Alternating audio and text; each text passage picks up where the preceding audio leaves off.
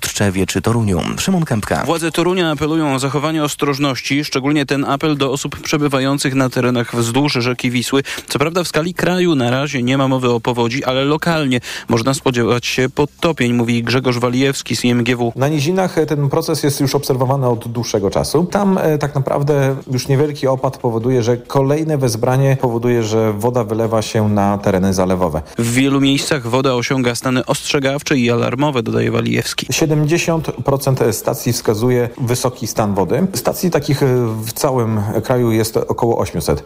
Natomiast na około 40 z nich przekroczony jest stan alarmowy. Sytuacja uspokoi się w weekend, ale w wielu miejscach w całym kraju, na Wiśle czy na Odrze, nawet niewielki deszcz może znacząco podnieść poziom największych rzek. Szymon Kępka, TOK FM. Kolejne informacje w TOK FM o 9.20, za chwilę magazyn EKG i Tomasz Setta. Pogoda. Przelotnego deszczu spodziewajmy się dziś na północy i na zachodzie. Pokropi również na wschodzie, ale tu też najwięcej rozpogodzeń. 5 stopni pokażą termometry w Gdańsku i Białymstoku, 6 w Lublinie i Rzeszowie, do 8 w Krakowie, Warszawie, Łodzi, Poznaniu i Szczecinie, 10 stopni we Wrocławiu i Katowicach. Sponsorem programu jest japońska firma Daikin. Producent pomp ciepła, klimatyzatorów i oczyszczaczy powietrza. www.daikin.pl Nie najlepsza jakość powietrza u poranku na południu Polski, m.in. w Krakowie i Katowicach. Lepiej, ale bez rewelacji w Warszawie, Łodzi, Poznaniu czy Bydgoszcz. Kolejny raport smogowy w TOK FM po 17. Sponsorem programu była japońska firma Daikin. Producent pomp ciepła, klimatyzatorów i oczyszczaczy powietrza. www.daikin.pl Radio TOK FM. Pierwsze radio informacyjne. Sponsorem programu jest producent hybrydowej Mazdy CX-60. Sponsorem programu jest dostawca systemu do oceny wiarygodności płatniczej kontrahentów Big Infomonitor www.big.pl. Na program zaprasza sponsor PTWP, organizator Europejskiego Kongresu Gospodarczego w Katowicach. EKG. Ekonomia, kapitał, gospodarka. Tomasz Setta, dzień dobry. 6 minut po dziewiątej zaczynamy magazyn EKG. Razem z nami pierwszy gość Piotr Ostrowski, przewodniczący Ogólnopolskiego Porozumienia Związków Zawodowych. Dzień dobry. Dzień dobry. Jutro zbiera się w nowym składzie Rada Dialogu Społecznego. Z jakimi postulatami się pan wybiera na to no. posiedzenie RDS-u? Po pierwsze nie w całkowitym e, nowym składzie. Mamy nowych przedstawicieli e, rządu, e, niedawno powołanych przez pana prezydenta. Byłem też na tej uroczystości i bardzo się z tego cieszę. Ostatnie posiedzenie plenarnej Rady Dialogu Społecznego miało miejsce jeszcze w zeszłym roku, pod koniec listopada. Teraz mamy drugą połowę, prawie drugą połowę lutego, zatem mm, sporo czasu minęło. Z jakimi postulatami, aby ten dialog społeczny faktycznie funkcjonował funkcjonował tak, jakbyśmy sobie tego życzyli, aby rzeczywiście było to narzędzie czy instrument rozwiązywania szeroko rozumianych problemów w sferze społeczno-gospodarczej i współkształtowania e, przez rząd i partnerów społecznych, czyli przez związki zawodowe i organizacje pracodawców, porządku czy też ładu społeczno-gospodarczego w Polsce. Problemów e, jest sporo, sporo także mm, e, do zrobienia, zatem ja czekam na owocną pracę i dobrą współpracę i z pracodawcami, pracodawcami i z pozostałymi centralami związkowymi i przede wszystkim z przedstawicielami rządu. A ma pan takie poczucie, że Polacy dzisiaj wiedzą, czym jest Rada Dialogu Społecznego? Mam co do tego poważne wątpliwości, więc warto naszym słuchaczom też przybliżyć, bo tych komitetów, rad, zespołów jest e, bez liku. Chociaż e, myślę, że akurat słuchaczki i słuchacze magazynu EKG to tutaj mają dość dużą i pokaźną no ja wiedzę, wiem, dlatego pani... że bardzo często państwa zapraszamy jako przedstawicieli RDS-u właśnie. Doceniam to faktycznie i pan w szczególności, panie redaktorze, o Radzie Dialogu Społecznego stara się mówić dużo i problematykę Rady Dialogu Społecznego poruszać, no ale Przybliżania nigdy dość. Tak. Na pewno. Więc szanowni państwo, mm, y, to co dzieje się w gospodarce, to co dzieje się na rynku pracy nie jest tylko domeną rządu, ale zgodnie z polską konstytucją, w której dialog społeczny y, jest zapisany, w którym jest także w artykule 20 y, wpisane, że ład gospodarczy jest współkształtowany przez partnerów społecznych, no to w tym, w tym całokształcie, który został sformułowany w konstytucji, postanowiono, że będzie istniało takie ciało, które kiedyś nazywało się Trójstronną Komisją do Spraw Społeczno-Gospodarczych, obecnie Radą Dialogu Społecznego, która skupia, w, w ramach której zasiadają przedstawiciele y, rządu, y, przedstawiciele reprezentatywnych organizacji związków zawodowych, takich jak mm, Ogólnopolskie Porozumienie Związków Zawodowych oraz y, reprezentatywnych organizacji y, pracodawców. I w ramach tych trzech stron, czyli y, mm, y, reprezentacji pracowników, reprezentacji biznesu czy też pracodawców oraz przedstawicieli rządu, rozwiązujemy problemy, ale także współkształtujemy y, ład społeczno-gospodarczy. Takie są zadania tej Rady Dialogu Społecznego i podkreślę raz jeszcze, dialog społeczny y, i społeczna gospodarka rynkowa, w ramach której dialog społeczny y, jest istotnym elementem, są wpisane do polskiej konstytucji. No przynajmniej takie są założenia funkcjonowania Rady Dialogu Społecznego. Dodaję to zastrzeżenie, bo zdaje się, że przez ostatnie kilka lat, o tym też Państwo bardzo często mówili tutaj w magazynie EKG, no były problemy z tym, żeby ten dialog rzeczywiście odpowiadał także na Państwa potrzeby? Czy w związku z tym, że, jak rozumiem, z pańskiej, z, pańs z pańskiej perspektywy RDS jest ważny, Pan by chciał z nowymi ministrami, z tymi nowymi członkami Rady Dialogu Społecznego rozmawiać chociażby o zmianie przepisów, w jaki sposób dziś funkcjonuje ta Rada, tak żeby ten dialog społeczny wzmocnić? Te propozycje zmian w przepisach w ustawie o Radzie Dialogu Społecznego są przygotowywane, y, są przygotowane tak naprawdę. One zostały złożone jeszcze e, w poprzedniej kadencji poprzedniego rządu, zostały przekazane do Kancelarii Prezydenta e, Rzeczypospolitej Polskiej. Natomiast i, i co, do, co do których ja nie mam wątpliwości, się z nimi zgadzam i rzeczywiście tę ustawę należy nowelizować, monitorować, e, które, które jej części y, wymagają zmian. Niemniej jednak ja osobiście uważam, że przepisy to nie wszystko. Nie wszystko da się załatwić przepisami. Moim zdaniem, aby mówić o prawdziwym dialogu społecznym, faktycznym dialogu społecznym, musi być pewien, w pewien sposób takie wewnętrzne, mentalne przekonanie wszystkich stron, wszystkich uczestników, uczestników tego dialogu społecznego w ramach Rady Dialogu Społecznego, że to narzędzie im jest do czegoś potrzebne, że to jest ważny instrument współkształtowania ładu społeczno-gospodarczego, a moim zdaniem w poprzednich latach niestety tak nie było. Jeśli OPZZ nie ma sobie nic do zarzucenia, to mógłbym przede wszystkim stronie rządowej zarzucić to, że jednak traktowała ten, ten instrument w postaci Rady Dialogu Społecznego bardzo instrumentalnie i powierzchownie. Nie uznawała moim zdaniem w pełni tego, że e, ta Rada Dialogu Społecznego jest potrzebna do tego, aby e, zmiany czy politykę społeczno-gospodarczą, którą realizujemy w Polsce, należy uzgadniać, współtworzyć. Można czy nawet rozumiem, powiedzieć. Odwołuje się pan do swoich doświadczeń z przedstawicielami rządu Prawa i Sprawiedliwości w, Rady, w Radzie Dialogu Społecznego. Tak, choć powiem, że y, nawet y, w y, drugiej kadencji rządu Platformy Obywatelskiej i Polskiego Stronnictwa Ludowego to nie wyglądało najlepiej. Ja tylko przypomnę, w 2013 roku wszystkie trzy centrale y, związkowe opuściły pracę w trójstronnej komisji. Y, trochę mm, także z powodu tego, że rząd y, nie traktował poważnie partnerów społecznych w ramach ówczesnej trójstronnej komisji. Ale minęło 11 lat i ja liczę na nowe otwarcie. Liczę na to, że y, już jutro rozpocznie się naprawdę dobry, faktyczny dialog społeczny, o którym wcześniej powiedziałem, bo pani przewodnicząca Rady Dialogu Społecznego i obecna y, ministra y, Rodziny, Pracy i Polityki Społecznej w swoich wypowiedziach, także rozpoczynając swoją misję jako nowa ministra, wyraźnie podkreśliła, że będzie zwracać uwagę na dobry dialog społeczny. Ja na to liczę i będę panią ministrę i panią przewodniczącą RDS trzymał za słowo. Coś tak podejrzewam, że te nadzieje OPZZ-u są e, szczególnie duże, dlatego że nie jest tajemnicą, że Pańska, Państwa Związek Zawodowy od lat współpracuje z Lewicą, którą reprezentuje w rządzie e, pani ministra Agnieszka Dziemianowicz-Bąk. E, skoro jesteśmy znów przy tym jutrzejszym spotkaniu, to będzie pańskim zdaniem takie formalne spotkanie zapoznawcze, czy to jest też taki moment na dyskusję o bardzo konkretnych e, sprawach, e, którym już teraz zajmuje się rząd? Są w Sejmie emerytury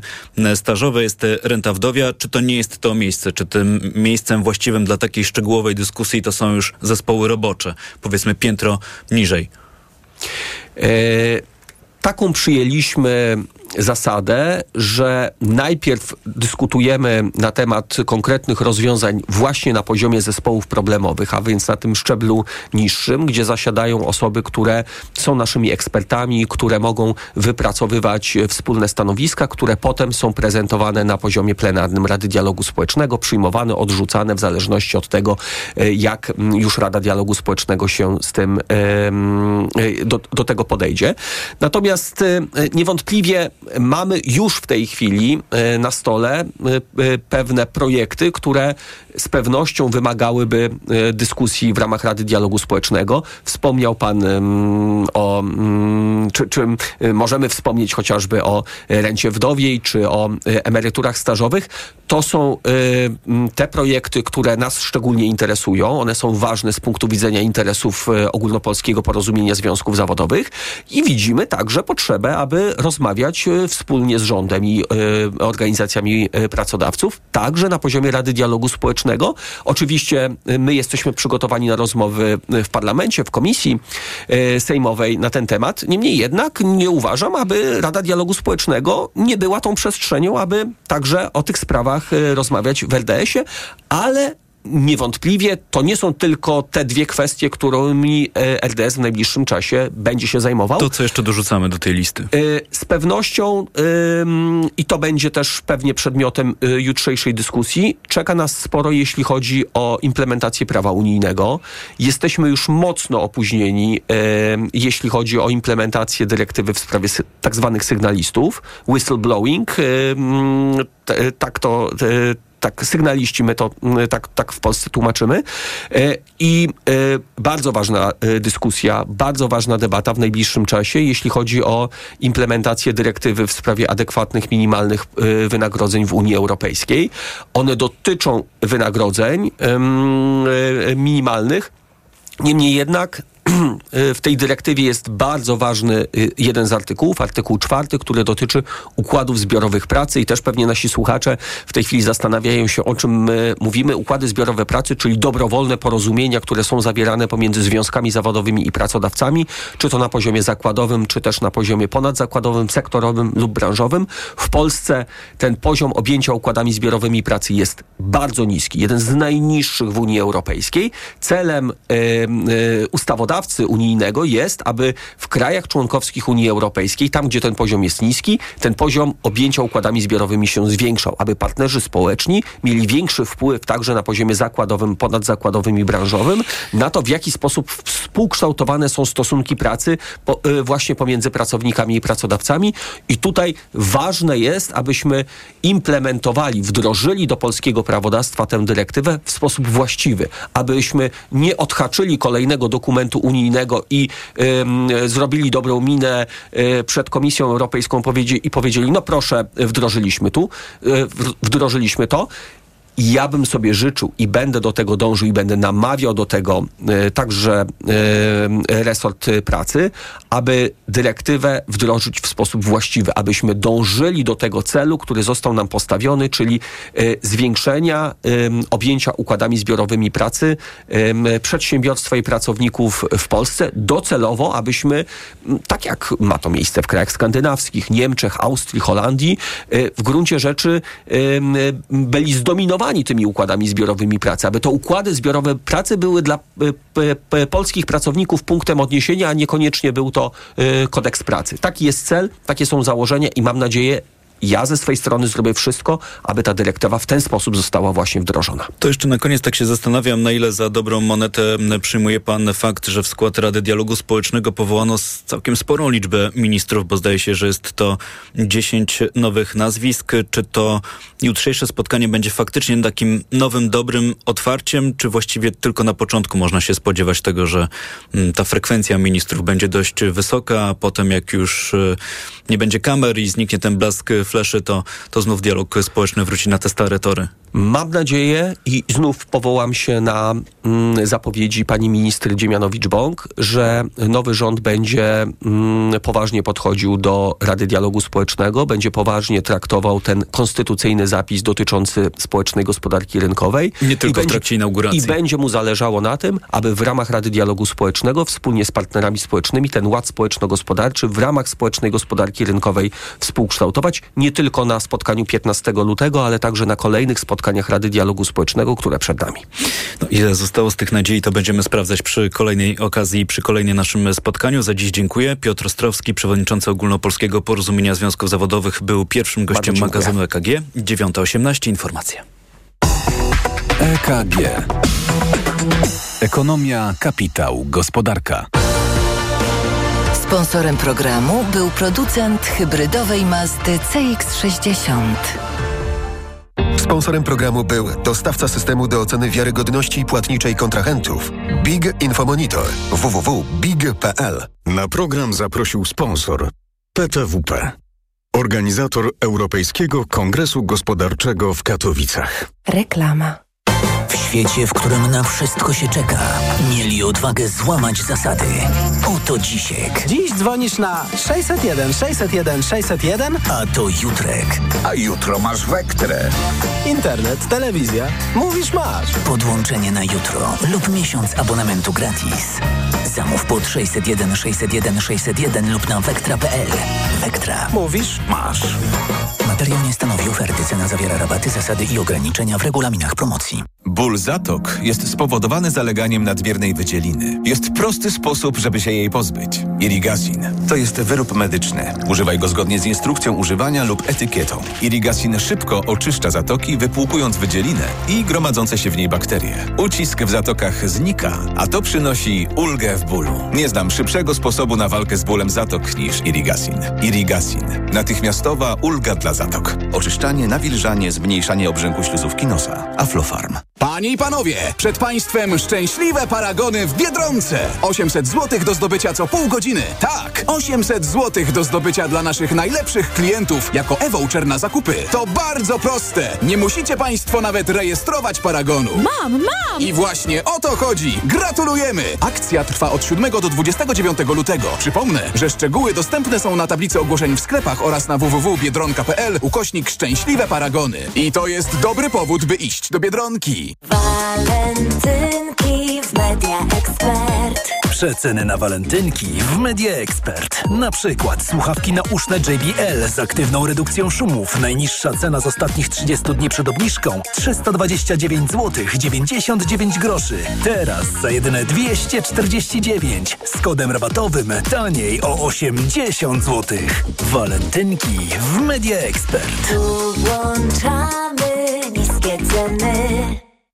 Stosujesz kapsułki wspierające zdrowie wątroby? Wypróbuj nowość. Esselif 600. Dlaczego? Esselif 600 to aż 600 mg fosfolipidum essentiale z nasion soi w jednej kapsułce. Suplement diety Esselif 600 stosuje się raz dziennie, a opakowanie wystarcza na 50 dni. Zapytaj w aptece o Esselif 600, a cena na pewno pozytywnie Cię zaskoczy. Esselif 600. Zdrowie dla wątroby, korzyść dla portfela. Wyciąg z ostryżu długiego wspiera zachowanie zdrowej wątroby. Aflofarm. Przyjmuję dwa razy w weekend, w sobotę i niedzielę od 16 w Radiu TOK FM. O. Na wizytę u doktora zaprasza Ewa Podolska. I zdrowia życzę. Na audycję zaprasza sponsor. Producent Żywiec Zdrój Minerals Plus z magnezem. Reklama. Radio TOK FM. Pierwsze radio informacyjne. Informacje TOK FM.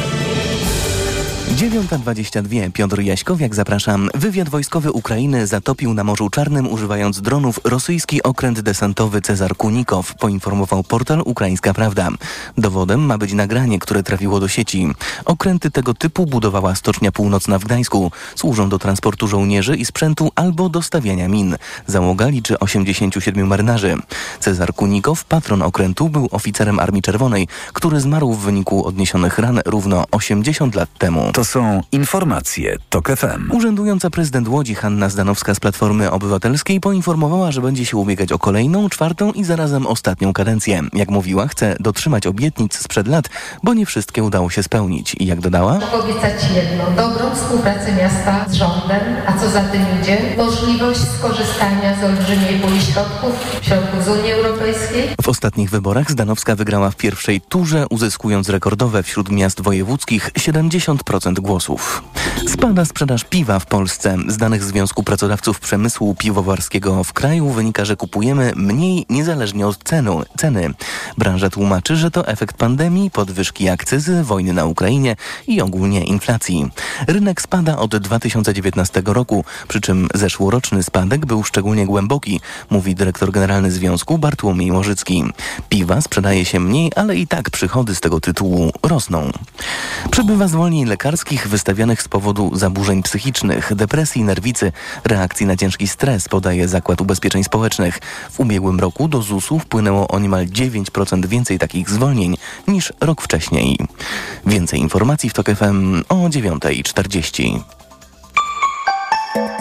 Pogoda. Przed nami pochmurna środa, deszcz spadnie miejscami na wschodzie i na północy, a w drugiej połowie dnia także na zachodzie. Rano gdzie niegdzie mgła. Od plus 3 stopni Celsjusza na północnym wschodzie, około 8 w większości kraju, do 10 na Dolnym Śląsku. Wiatr będzie słaby i umiarkowany. Radio TOK FM. Pierwsze radio informacyjne. EKG. Ekonomia, kapitał, gospodarka. 9.24. Zaczynamy drugą część magazynu EKG. Pani Marzena Chmielewska, zastępczyni dyrektora generalnego w Konfederacji Lewiatan jest, jest z nami. Dzień dobry. Dzień dobry. Pani Monika Konstanty, prezes zarządu Związku Polskiego Leasingu. Również jest z nami. Dzień dobry. Witam serdecznie. I pan Piotr Bielski, dyrektor Departamentu Analiz Ekonomicznych w Santander Bank Polska. Kłaniam się nisko. Dzień dobry. W takim składzie będziemy z państwem do godziny 10.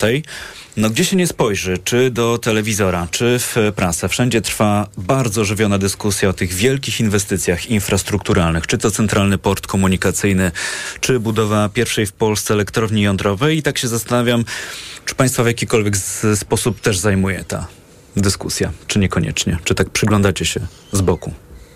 Pani Monika Konstant.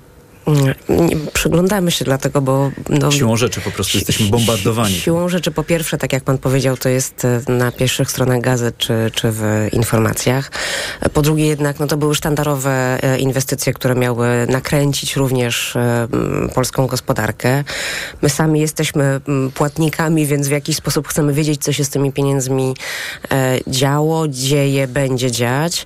A na razie trochę mam wrażenie, że jednak otrzymujemy zbyt mało konkretnych informacji, e, żebyśmy chyba byli w stanie to e, tak zupełnie obiektywnie ocenić.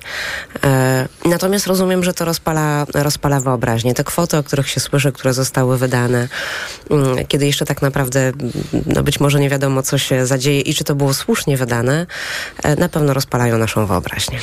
To mówiła pani Monika Konstant, pan Piotr Bielski.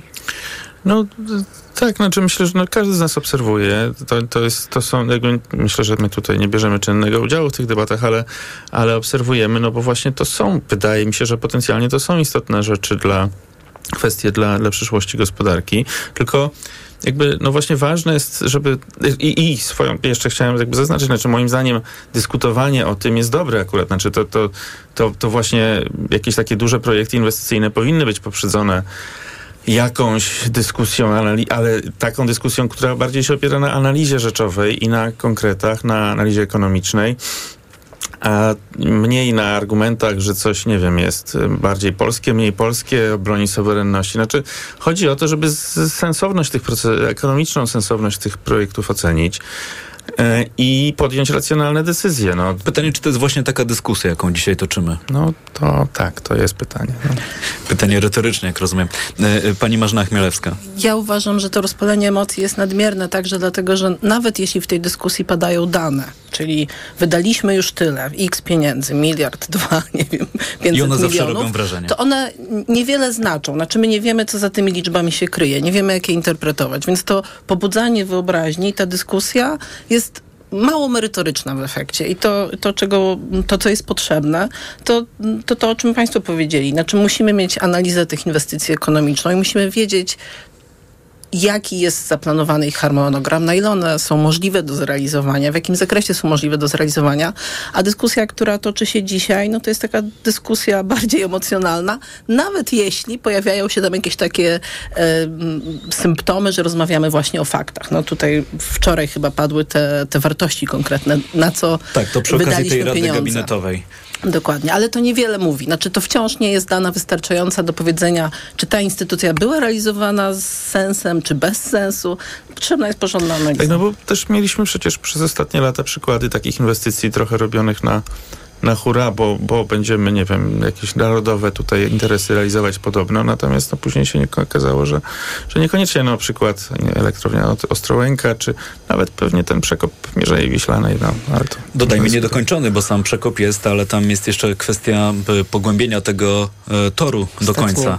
I chociaż jest e, rzeczywiście ten przekop e, zrobiony, to nie jest e, zdaniem ekspertów e, dokończony. No pytanie, czy uda się tę dyskusję przywrócić rzeczywiście na te tory, w, gdzie moglibyśmy się e, posługiwać e, danymi, jakąś rzetelną oceną sytuacji, bo też zaglądam do prasy i widzę, że mm, są sondaże, z których wynika, że jest duże poparcie dla tych inwestycji, tylko właśnie, no nie wiem, czy znów sondaże powinny być tutaj dla nas decydujące, bo pytanie ludzi o zdanie, owszem, ma sens, tylko jeśli jest ograniczony dostęp do tych informacji, no to w sumie nie wiadomo, czy, czy, ta, czy te odpowiedzi by się nie, nie, nie zmieniły, gdyby, gdyby rzeczywiście wszyscy mieli dostęp do takiej rzetelnej analizy, czy te inwestycje są potrzebne, czy nie. Bo to trochę się odwołuje bardziej do emocji. Oczywiście, że tak. E, Monika na, na, na, pewno dostęp do informacji, na pewno to, co rząd powinien teraz zrobić, to jest e, przekazywać, informować na bieżąco e, o tym, jak te inwestycje były prowadzone. Natomiast wydaje mi się, że powinniśmy rozdzielić, to znaczy o ile pomysł na stworzenie centralnego hubu i, i CPK jest być może pytaniem czy kwestią, która może być no właśnie kwestionowana, tak? O tyle wydaje mi się, że już nikt nie kwestionuje potrzeby tego, żeby powstała e, elektrownia jądrowa. Więc może e, też należałoby trochę rozdzielić te tematy, bo to w jaki sposób jest prowadzona inwestycja, czy ona była prowadzona prawidłowo, to jest jedna rzecz. Natomiast czy inwestycja jest zasadna i czy powinna być ewentualnie kontynuowana, bo tutaj takie kwestie również padają, mm, e, rozumiem, że to już dotyczy projektu mm, CPK. Więc na pewno rzetelne informacje to jest podstawa, którą wszyscy powinniśmy otrzymać. Czekamy. No, pytanie, czy wczoraj pan prezydent te rzetelne informacje dostał, bo mm, też e, pewnie w jakimś sensie oczekiwał tych informacji. W tym celu zwołał Radę Gabinetową, żeby dowiedzieć się, jakie jest stanowisko rządu w sprawie chociażby e, Centralnego Portu Komunikacyjnego. E, ten temat inwestycji, może nie konkretnie tych inwestycji, o których teraz mówimy, wiąże się nierozerwalnie z Krajowym Planem Odbudowy. Mówiliśmy w poprzedniej części nie, to ja mówiłem, to bardziej w głowie pomyślałem, nie powiedziałem tego na antenie. E, A o tym chciałem dzisiaj z Państwem porozmawiać, bo w tym tygodniu e, Komitet Monitorujący Krajowego Planu Odbudowy e, się zbiera, w piątek dokładnie. Pani Marzna Chmielewska, proszę mnie popra- poprawić, Pani jest członkinią tego komitetu. Drugi raz w historii się zbiera, pierwszy raz po wyborach Czyli parlamentarnych. poważnie. No właśnie, to ważna sprawa, czy niekoniecznie? Moim zdaniem bardzo ważna, bo komitet to jest takie miejsce, w którym rzeczywiście e, przedstawiciele różnych środowisk, w moim przypadku przykład przedstawiciele również przedsiębiorców, pracodawców, mają szansę dowiedzieć się, co się w Krajowym Planie Odbudowy dzieje. To znaczy, na jakim etapie są inwestycje, zadać konkretne pytania i liczyć na konkretne odpowiedzi.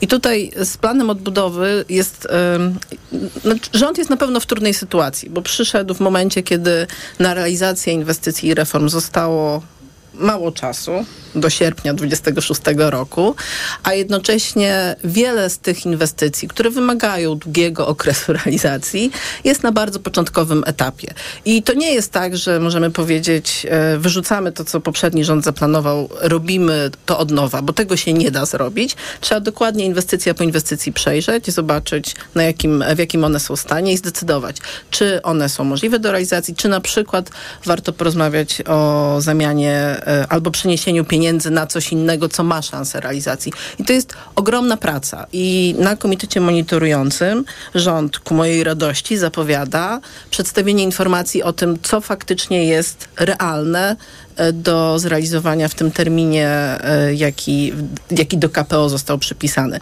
I to też jest taka sytuacja. Wczoraj na tej Radzie Gabinetowej padło takie, takie mm, no, głęboko prawdziwe w tym kontekście zdanie, e, że pieniądze zostały wydane, bo musiały być wydane. To w, w odniesieniu akurat do CPK. Do CPK. Mhm. Ale to też pasuje do Krajowego Planu Odbudowy, bo my jesteśmy w takiej sytuacji, gdzie my po prostu musimy wydawać pieniądze. Bo jeśli to się nie stanie, to one jeśli, przepadną. Tak, i nawet jeśli rząd niekoniecznie będzie zachwycony tym, co zostało zrobione w Krajowym Planie Odbudowy, to z wielu rzeczy już nie będzie mógł zrezygnować. To mówiła pani Marzena Chmielewska, to jeszcze pan Piotr Bielski. Tak się zastanawiam, bo powiedzieliśmy o tej trudnej sytuacji, w której mm, znaleźli się rządzący. Czy to zapowiadane przez rząd e, przyspieszenie i próba wykorzystania wszystkich tych pieniędzy z Krajowego Planu Odbudowy to jest coś, co rzeczywiście ma szansę się wydarzyć? No każdy z nas by chciał to wiedzieć, jakby tak stawiamy sobie to pytanie. No jak myśmy sobie tak patrzyli, w jakim tempie inne kraje wykorzystują te środki, jak te, jaka jest potencjalne tempo napływu, biorąc pod uwagę, że mamy te dwa lata opóźnienia. Nie, to nie patrzmy, bo to, bardzo jeste- jesteśmy do to tyłu. wychodzi na to, że to, to bardzo trudno będzie zrealizować. Natomiast no, rząd, takie deklaracje ze strony rządu padają. Ostatnio padały, że zamiast dwóch płatności w tym roku może będą, może jest jakaś szansa na trzy czy cztery. Ja nie, nie, ja nie umiem dokładnie ocenić, na ile to jest realistyczne. Mi się wydaje, że to jest powiedzmy, że, że bardzo ambitny plan, ale w związku z tym, no jakby to rzeczywiście szansa na wykorzystanie całości tych środków do 2026 nie wygląda jak na jakąś wyjątkowo dużą, natomiast powiedzmy, że jakąś szansą, może i tu jakąś nadzieję pokładam, że jest jakąś szansą to, że teoretycznie kraj może zgłosić wniosek, jeśli ma uzasadnione powody, o to, żeby wydłużyć ten horyzont. I może to jest jakaś szansa, żeby te środki jednak w pełni, albo w prawie w pełni wykorzystać, tylko w trochę dłuższym okresie, jeśli uda nam się dobrze uargumentować, dlaczego. No właśnie, bo m, Tak trzeba jest. będzie do tego namówić e, Brukselę czy e, Komisję Europejską, jak rozumiem, żeby ten termin wydłużyć. E, Pytanie, czy inne kraje będą tym zainteresowane, skoro inne kraje są mocno do przodu z realizacją swoich krajowych planów odbudowy. No niektóre są do przodu, no też nie jest tak, że wszystkie są do przodu, to trzeba przyznać. Moim zdaniem ten postulat się pojawi na 100%. Znaczy, I zostanie poparty też przez te państwa, które aż tak szybko pieniędzy nie wykorzystują, bo nie jesteśmy jedyni z problemami mimo wszystko. To jeszcze bardzo e, krótko pan Piotr Bielski, bo powiedział pan, że trudno to oszacować to, to wykorzystanie, ale z drugiej strony no, ma pan jakieś prognozy, musi pan coś do nich wpisać. To pytanie, jaki jest ten scenariusz bazowy na ten no rok. to my w tym jakby zakładamy, że będą te dwie płatności w ciągu roku. Tam pierwszy wniosek był chyba na ile? Na 7 miliardów, już nie pamiętam, tak? 7 miliardów euro, czy coś takiego. No i druga pewnie transza porównywalna. No i zakładamy, zakładamy że to, to jakby, że te pieniądze się pojawią. Też trzeba przypomnieć, że jakby to, to jakby zwrócić uwagę, że to jest bardzo też ważna kwestia dla, no, no, dla, dla tak zwanych rynków finansowych, dla inwestorów. To na każdym spotkaniu prawie, że jak, jak, jakie mam z zagranicznymi inwestorami, to pytanie się pojawia, więc to jest taka też istotna kwestia i z punktu widzenia tego, co się będzie działo z kursem walutowym i, i z nastrojami na rynku. No właśnie, kurs walutowy to powróci w kolejnej części magazynu EKG. Temat inwestycji mam wrażenie, że o to też jeszcze będę Państwa pytać. Marzena Chmielewska, Monika Konstant i Piotr Bielski są dziś Państwa gośćmi. 9.36. Informacje. EKG. Ekonomia, kapitał, gospodarka. Autopromocja. Fundacja Tok FM i Fundacja Batorego przedstawiają podcast Rozumieć Ukrainę. Wczytujemy się w badania socjologów, śledzimy procesy gospodarcze, geopolityczne i kulturowe. Źródeł szukamy w historii i staramy się choć trochę wyjrzeć w przyszłość. Zapraszają Agnieszka Lichnerowicz i Edwin Bendyk. Rozumieć Ukrainę. Premiery kolejnych odcinków w każdy wtorek. Posłuchaj na tokefm.pl ukośnik Ukraina lub w aplikacji mobilnej Tok FM. Autopromocja. Reklama. RTV Euro AGD. Czyszczenie magazynów w euro. Wielka kulminacja produktów w przecenie. Smartfon Samsung Galaxy M34. 5G. Najniższa teraz ostatnich 30 dni przed obniżką to 1099. Teraz za 999 zł.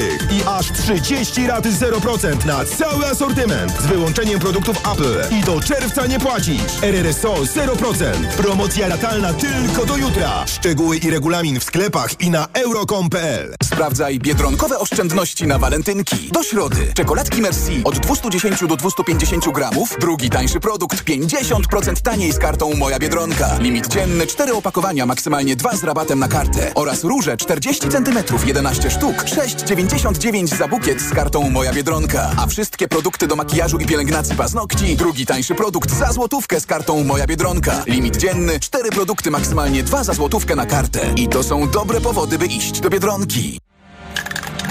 Tworzysz obrazy? Studiujesz sztukę? A może znasz obiecującą twórczynię lub twórcę? Krupa Art Foundation zaprasza młodych malarzy i malarki do udziału w międzynarodowym konkursie CAF Young Art Prize. Trzy główne nagrody po 12 tysięcy euro, honoraria dla pozostałych finalistów i wystawa w czerwcu we Wrocławiu. Na zgłoszenia czekamy do 31 marca. Szczegóły na krupaartfoundation.pl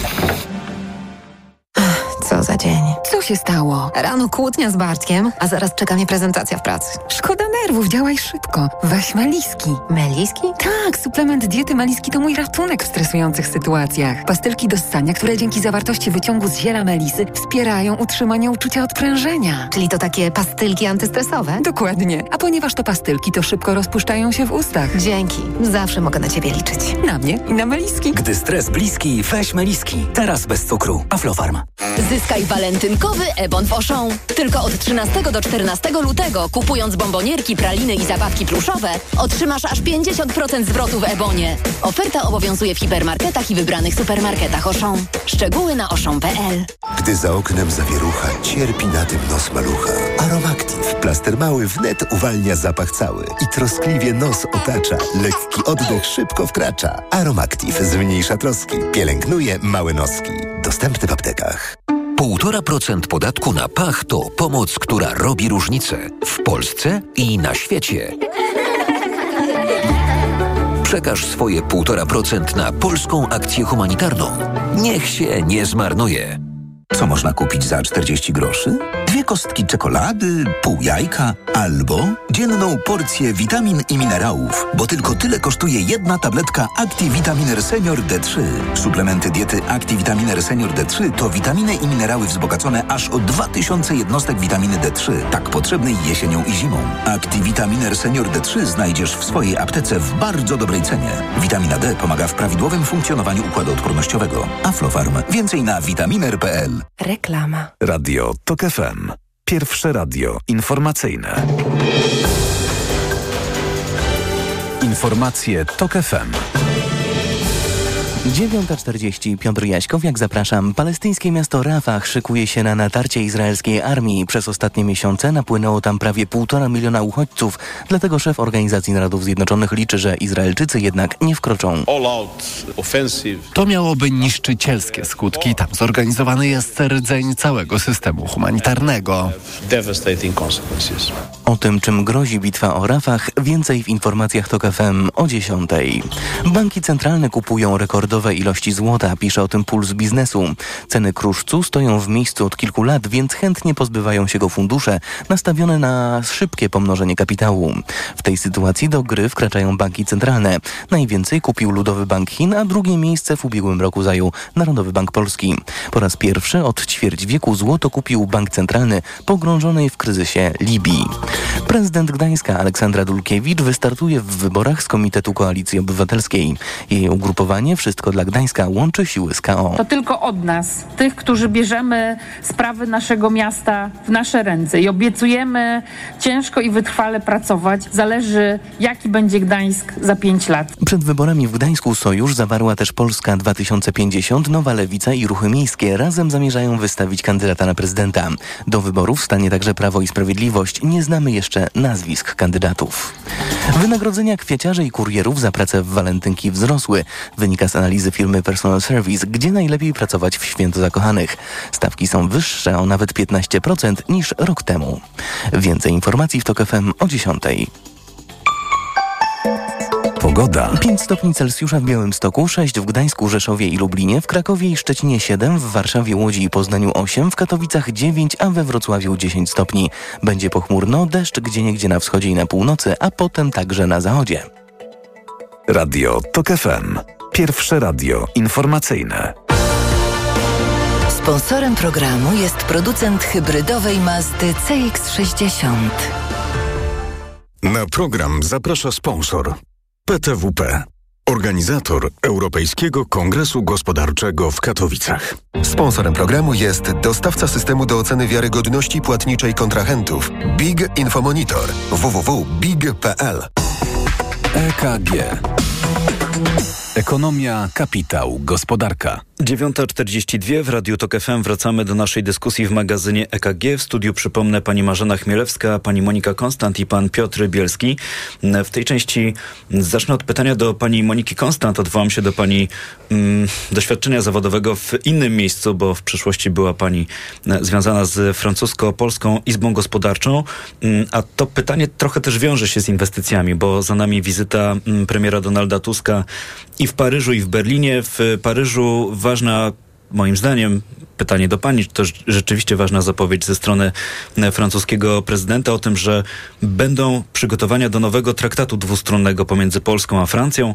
Mamy zastąpić ten traktat z 91 roku. Ten traktat, mówi prezydent Macron, określi nowe ramy naszej współpracy we wszystkich dziedzinach obronności, energii jądrowej, współpracy naukowej i kulturalnej. To rzeczywiście ważna sprawa? No, mówi się o tym faktycznie, że następuje e, jakby nowa era w stosunkach e, polsko-francuskich i myślę, że to jest e, takie symboliczne pokazanie tego, że faktycznie te relacje już wchodzą na inny poziom. One przez długi czas jednak były mm, no takie bardzo napięte, bym powiedziała, a jednak Francja jest drugim największym inwestorem w Polsce już od strasznie dawna. E, firm francuskich jest w Polsce wiele. Wiemy, że ileś tam inwestycji również mogło e, być zrealizowanych, a nie doszło do nich. E, I już od dłuższego czasu Francja no, bardzo chciała poprawić te, te stosunki. I myślę, że to jest świetny moment na to, żeby faktycznie e, zbliżyć na nowo te dwa kraje, bo oczywiście ta współpraca naukowa szła swoim torem, e, współpraca e, kulturalna szła swoim torem, ale ewidentnie brakowało tutaj e, takiej nowej odsłony, jeżeli chodzi o, to, o te relacje e, gospodarcze. No i myślę, że jest ku temu okazja. To mówiła, przepraszam, to mówiła pani Monika Konstant, bardzo dziękuję. Mm, pozostańmy w tych tematach zagranicznych. Byliśmy przez moment we Francji, to jeszcze może na krótko Stany Zjednoczone i inflacja. Pan Piotr Bielski, wczoraj trochę dowiedzieliśmy się o tym, co z, tymi, co z tymi cenami dzieje się za oceanem. No nie spada ta inflacja tam tak szybko, jak oczekiwano. Pytanie, czy nas w Polsce to też powinno specjalnie zajmować. Nie no, powinno w tym sensie, że trzeba obserwować jakby te globalne tendencje. To jakby pewnie nam bliższe jest to, co dzieje się z cenami w Europie kontynentalnej niż za oceanem. Natomiast też no, była niespodzianka tym razem w górę ze strony tych danych o inflacji, natomiast ona jakby następuje po szeregu miesięcy, kiedy ta inflacja raczej zaskakiwała w dół niż w górę, tak? Więc to, to generalnie to jest tak, że jakbym, pewnie jakbym miał powiedzieć takie jakieś właśnie zdziwienie ekonomiczne z ostatniego okresu największe, to to, że po prostu cały czas ekonomiści są zaskakiwani tym, co pokazują dane i to zaskakowanie w różne strony, w, z różnych kierunków, z różnych krajów. E, I, I to też pokazuje, że tak, jest taki jednak problem ze do, dobrym zrozumieniem, jak ten popandemiczny, po e, energo, szoku energetycznym świat dobrze funkcjonuje, jak, jak on rzeczywiście funkcjonuje, jakie są te mechanizmy. E, jest jakby te dane o inflacji amerykańskiej trochę jakby wpisują się w tą narrację, że problem z tym ostatnim etapem wygaszania e, inflacji może być większy niż się niektórym wydaje. I, i teraz trwa ogólnie duża dyskusja na temat tego, czy rzeczywiście banki centralne muszą być bardzo ostrożne na tym, niektórzy mówią na tej ostatniej mili, czyli na tym ostatnim etapie sprowadzania inflacji do celu. Mnie się wydaje, że tak właśnie jest.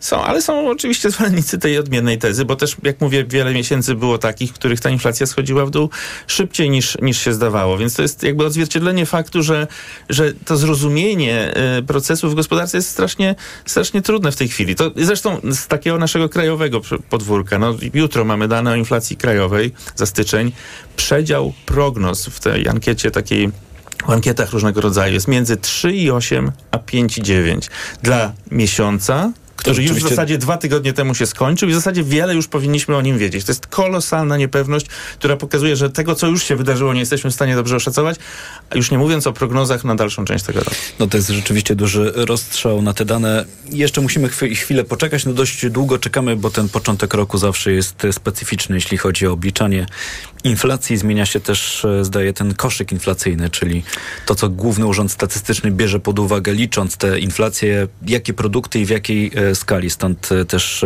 zwykle na początku roku, te opóźnienia. A gdybym jeszcze tak chciał spróbować połączyć to, co dzieje się w Stanach Zjednoczonych i to, co dzieje się w Polsce, to, mm, to gdybym zaproponował taką ścieżkę. Inflacja w Stanach Zjednoczonych, perspektywy, co w związku z tym będzie się działo ze stopami procentowymi za oceanem i gdzieś na końcu tej ścieżki kurs polskiej waluty.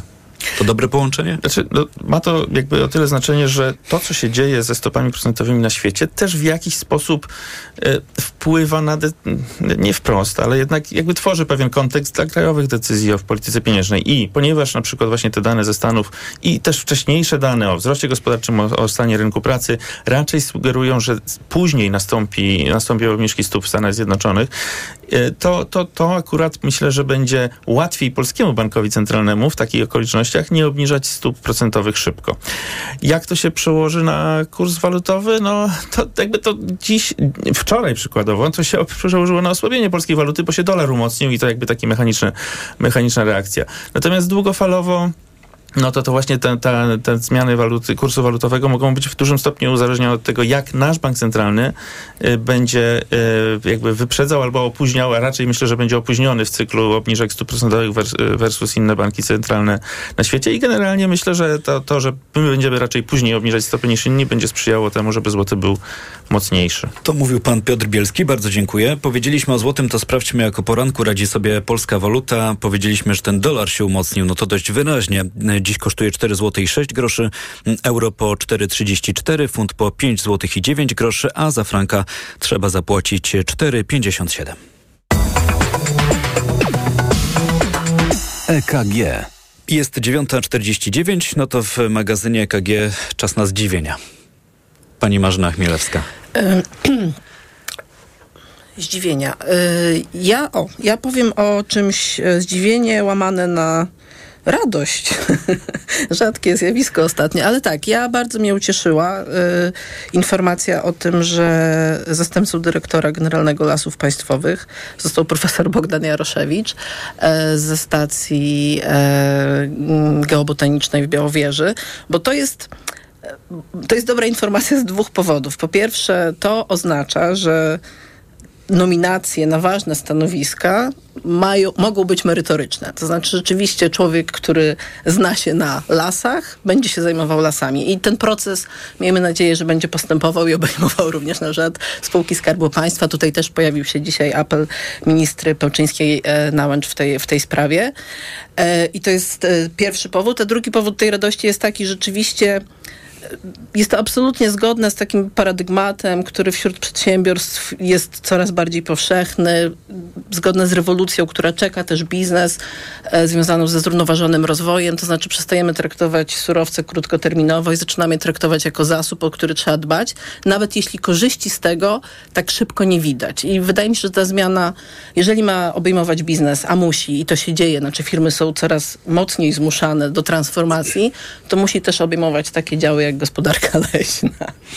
Mówi pani zdziwienie łamane przez radość. No dla mnie trochę jednak zdziwienie łamane przez e, smutek, że nas dziwi to, że osoby, które się na czymś e, znają, będą za coś odpowiadać. Wydaje Dokładnie. się, że powinna być to norma, a jednak wciąż nas ta zas to zaskakuje. No, Dokładnie Jeśli ma nas tak. to zaskakiwać, to oby więcej takich zdziwień. Mm, to mówiła pani Marzena Chmielewska. Bardzo dziękuję. Pani Ale to Monika rozumiem, Konstant. że to była po prostu dobra wiadomość Dobra i stąd wiadomość. radość. To może to w ten sposób Ale sobie rzeczywiście to, że to dziwi, znaczy, że to jest radość z takiego powodu, to, to, to jest trochę smutne. Ja się absolutnie Trochę smutne zgadzam. i w tym sensie trochę, trochę przewrotne. E, Pani Monika Konstant. No przyzwyczailiśmy się prawdopodobnie do takich decyzji, które nas e, w jakiś sposób szokowały, czy dziwiły właśnie, a teraz już e, są radosne.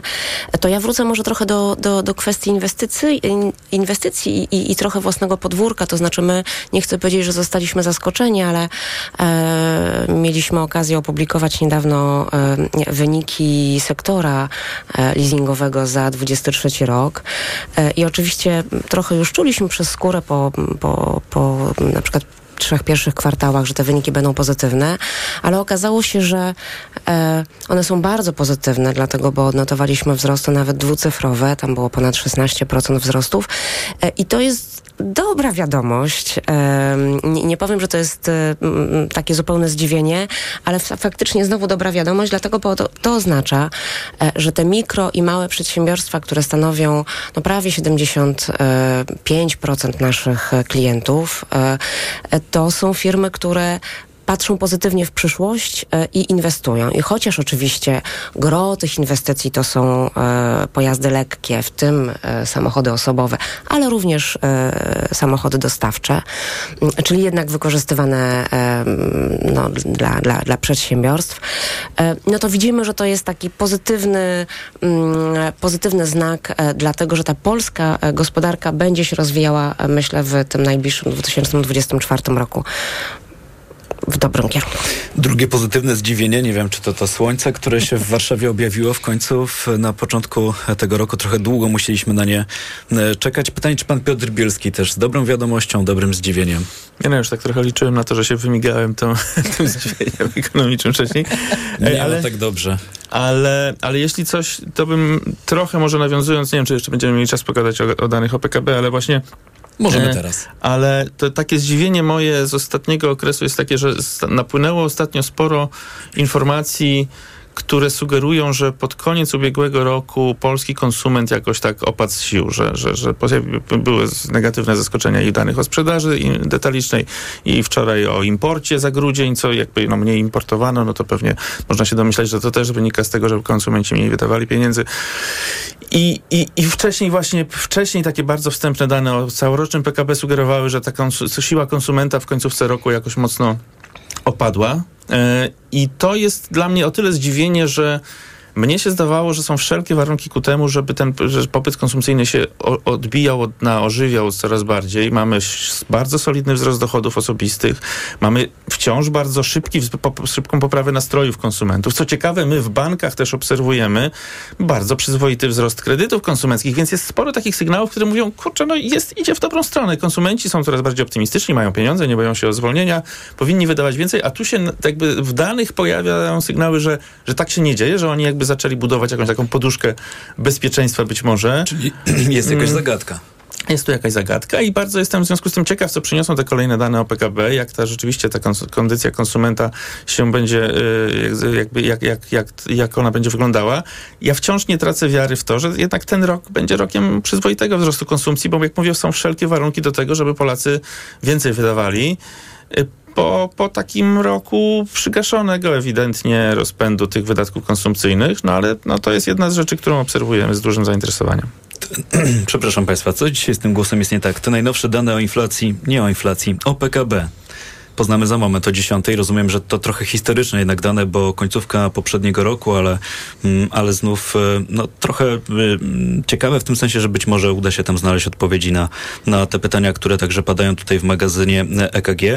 No i co, tak dobrnęliśmy do końca naszego dzisiejszego spotkania. Mówiliśmy już o tym, co dzieje się ze złotem, to może jeszcze mm, o giełdzie ale oczywiście aplikacja, która powinna to pokazać teraz nie działa, więc e, giełdę zostawiamy w spokoju. Widziałem kolor zielony, więc to jest chyba e, tylko to, to co mogę Państwu przekazać, że Wiki WIG 20 w tej chwili radzą sobie przynajmniej na początku notowań e, całkiem dobrze. Za dziś dziękuję. Marzena Chmielewska, Konfederacja Lewiatan.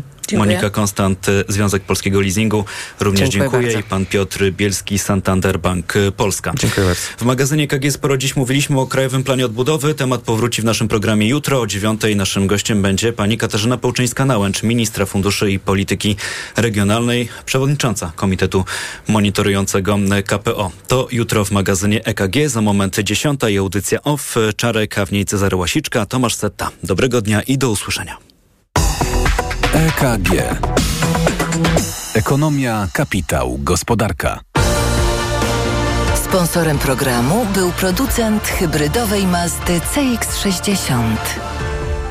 Na program zaprosił sponsor PTWP, organizator Europejskiego Kongresu Gospodarczego w Katowicach. Sponsorem programu był dostawca systemu do oceny wiarygodności płatniczej kontrahentów Big Infomonitor www.big.pl. Reklama. Teraz z Leroy Merlin zmalujesz nowe super wnętrze, bo farba biała Beckers Designer 10 litrów z litrową dolewką gratis jest już za 187 zł. I tak nie przesłyszałeś się. 10% farby dostajesz gratis, a skrzydło drzwiowe Etna zamiast za 428 jest za 347 zł. Wchodzisz? Ceny przed obniżką to najniższe ceny z ostatnich 30 dni. Zapraszamy do sklepów i na leroymerlin.pl. Proste? Proste. Leroy Merlin. Dzieci są różne, tak samo jak kaszel, który je męczy. To jest Zosia, która ma kaszel suchy. A to jest Antek, którego dopadł kaszel mokry. A to... Nie wiesz, jaki kaszel ma twoje dziecko, ale wiesz, jaki syrop wybrać. Wyrób medyczny Herbapekt Junior bez cukru jest skuteczny w każdym rodzaju kaszlu. Zarówno w suchym, jak i mokrym. Herbapekt Junior numer jeden na kaszel suchy i mokry. To jest wyrób medyczny. Używaj go zgodnie z instrukcją używania lub etykietą. Ułagodzenie każdego rodzaju kaszlu, zmniejszenie częstotliwości kaszlu, ułatwienie odkrztuszania. Aflofarm. Przed Państwem wyczekiwane egzemplarze dzisiejszej wyprzedaży. Suwy Forda, Puma i Kuga. O, już sprzedane? Fordy Puma i Kuga w mocnej limitowanej wyprzedaży rocznika z korzyścią finansową do 39 tysięcy złotych. Takie okazje nie lubią czekać. Zapraszamy do dealerów Forda i na Ford.pl. Rutozyt ze składnikami wspierającymi odporność to moja tarcza ochronna jesienią i zimą. Nie zrezygnuję z niej, ale mogę ją wzmocnić biorąc Rutina C Max C1000, bo ma mega dawkę witaminy C. Suplement diety Rutina C Max C1000 w jednej tabletce zawiera rutozyt i sprawdzone substancje wspierające odporność, cynk, selen i witaminę D3, a do tego aż 1000 mg witaminy C. Rutina C Max C1000 to połączenie dwóch świetnych sposobów na odporność. Rutina C Max C1000. Odporność na potęgę. Aflofarm. Codzienny magazyn motoryzacyjny. Od poniedziałku do piątku o 19.40.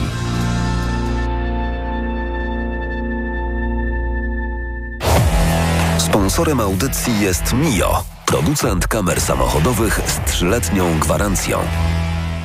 Kiedy mój Tadzio zaczyna chorować, nie czekam aż infekcja się rozwinie. Od razu sięgam po odpowiedni lek. Wybieram Lipomal. Syrop z wyciągiem z lipy przeznaczony do stosowania w pierwszej fazie infekcji. Lipomal to sprawdzone rozwiązanie, które wspomaga w stanach gorączkowych, przeziębieniu i kaszlu. Syrop 97 mg na 5 ml. Wyciąg suchy z lipy na potnie w stanach gorączkowych. Aflofarm. To jest lek. Dla bezpieczeństwa stosuj go zgodnie z ulotką dołączoną do opakowania. Nie przekraczaj maksymalnej dawki leku. W przypadku wątpliwości skonsultuj się z lekarzem lub farmaceutą.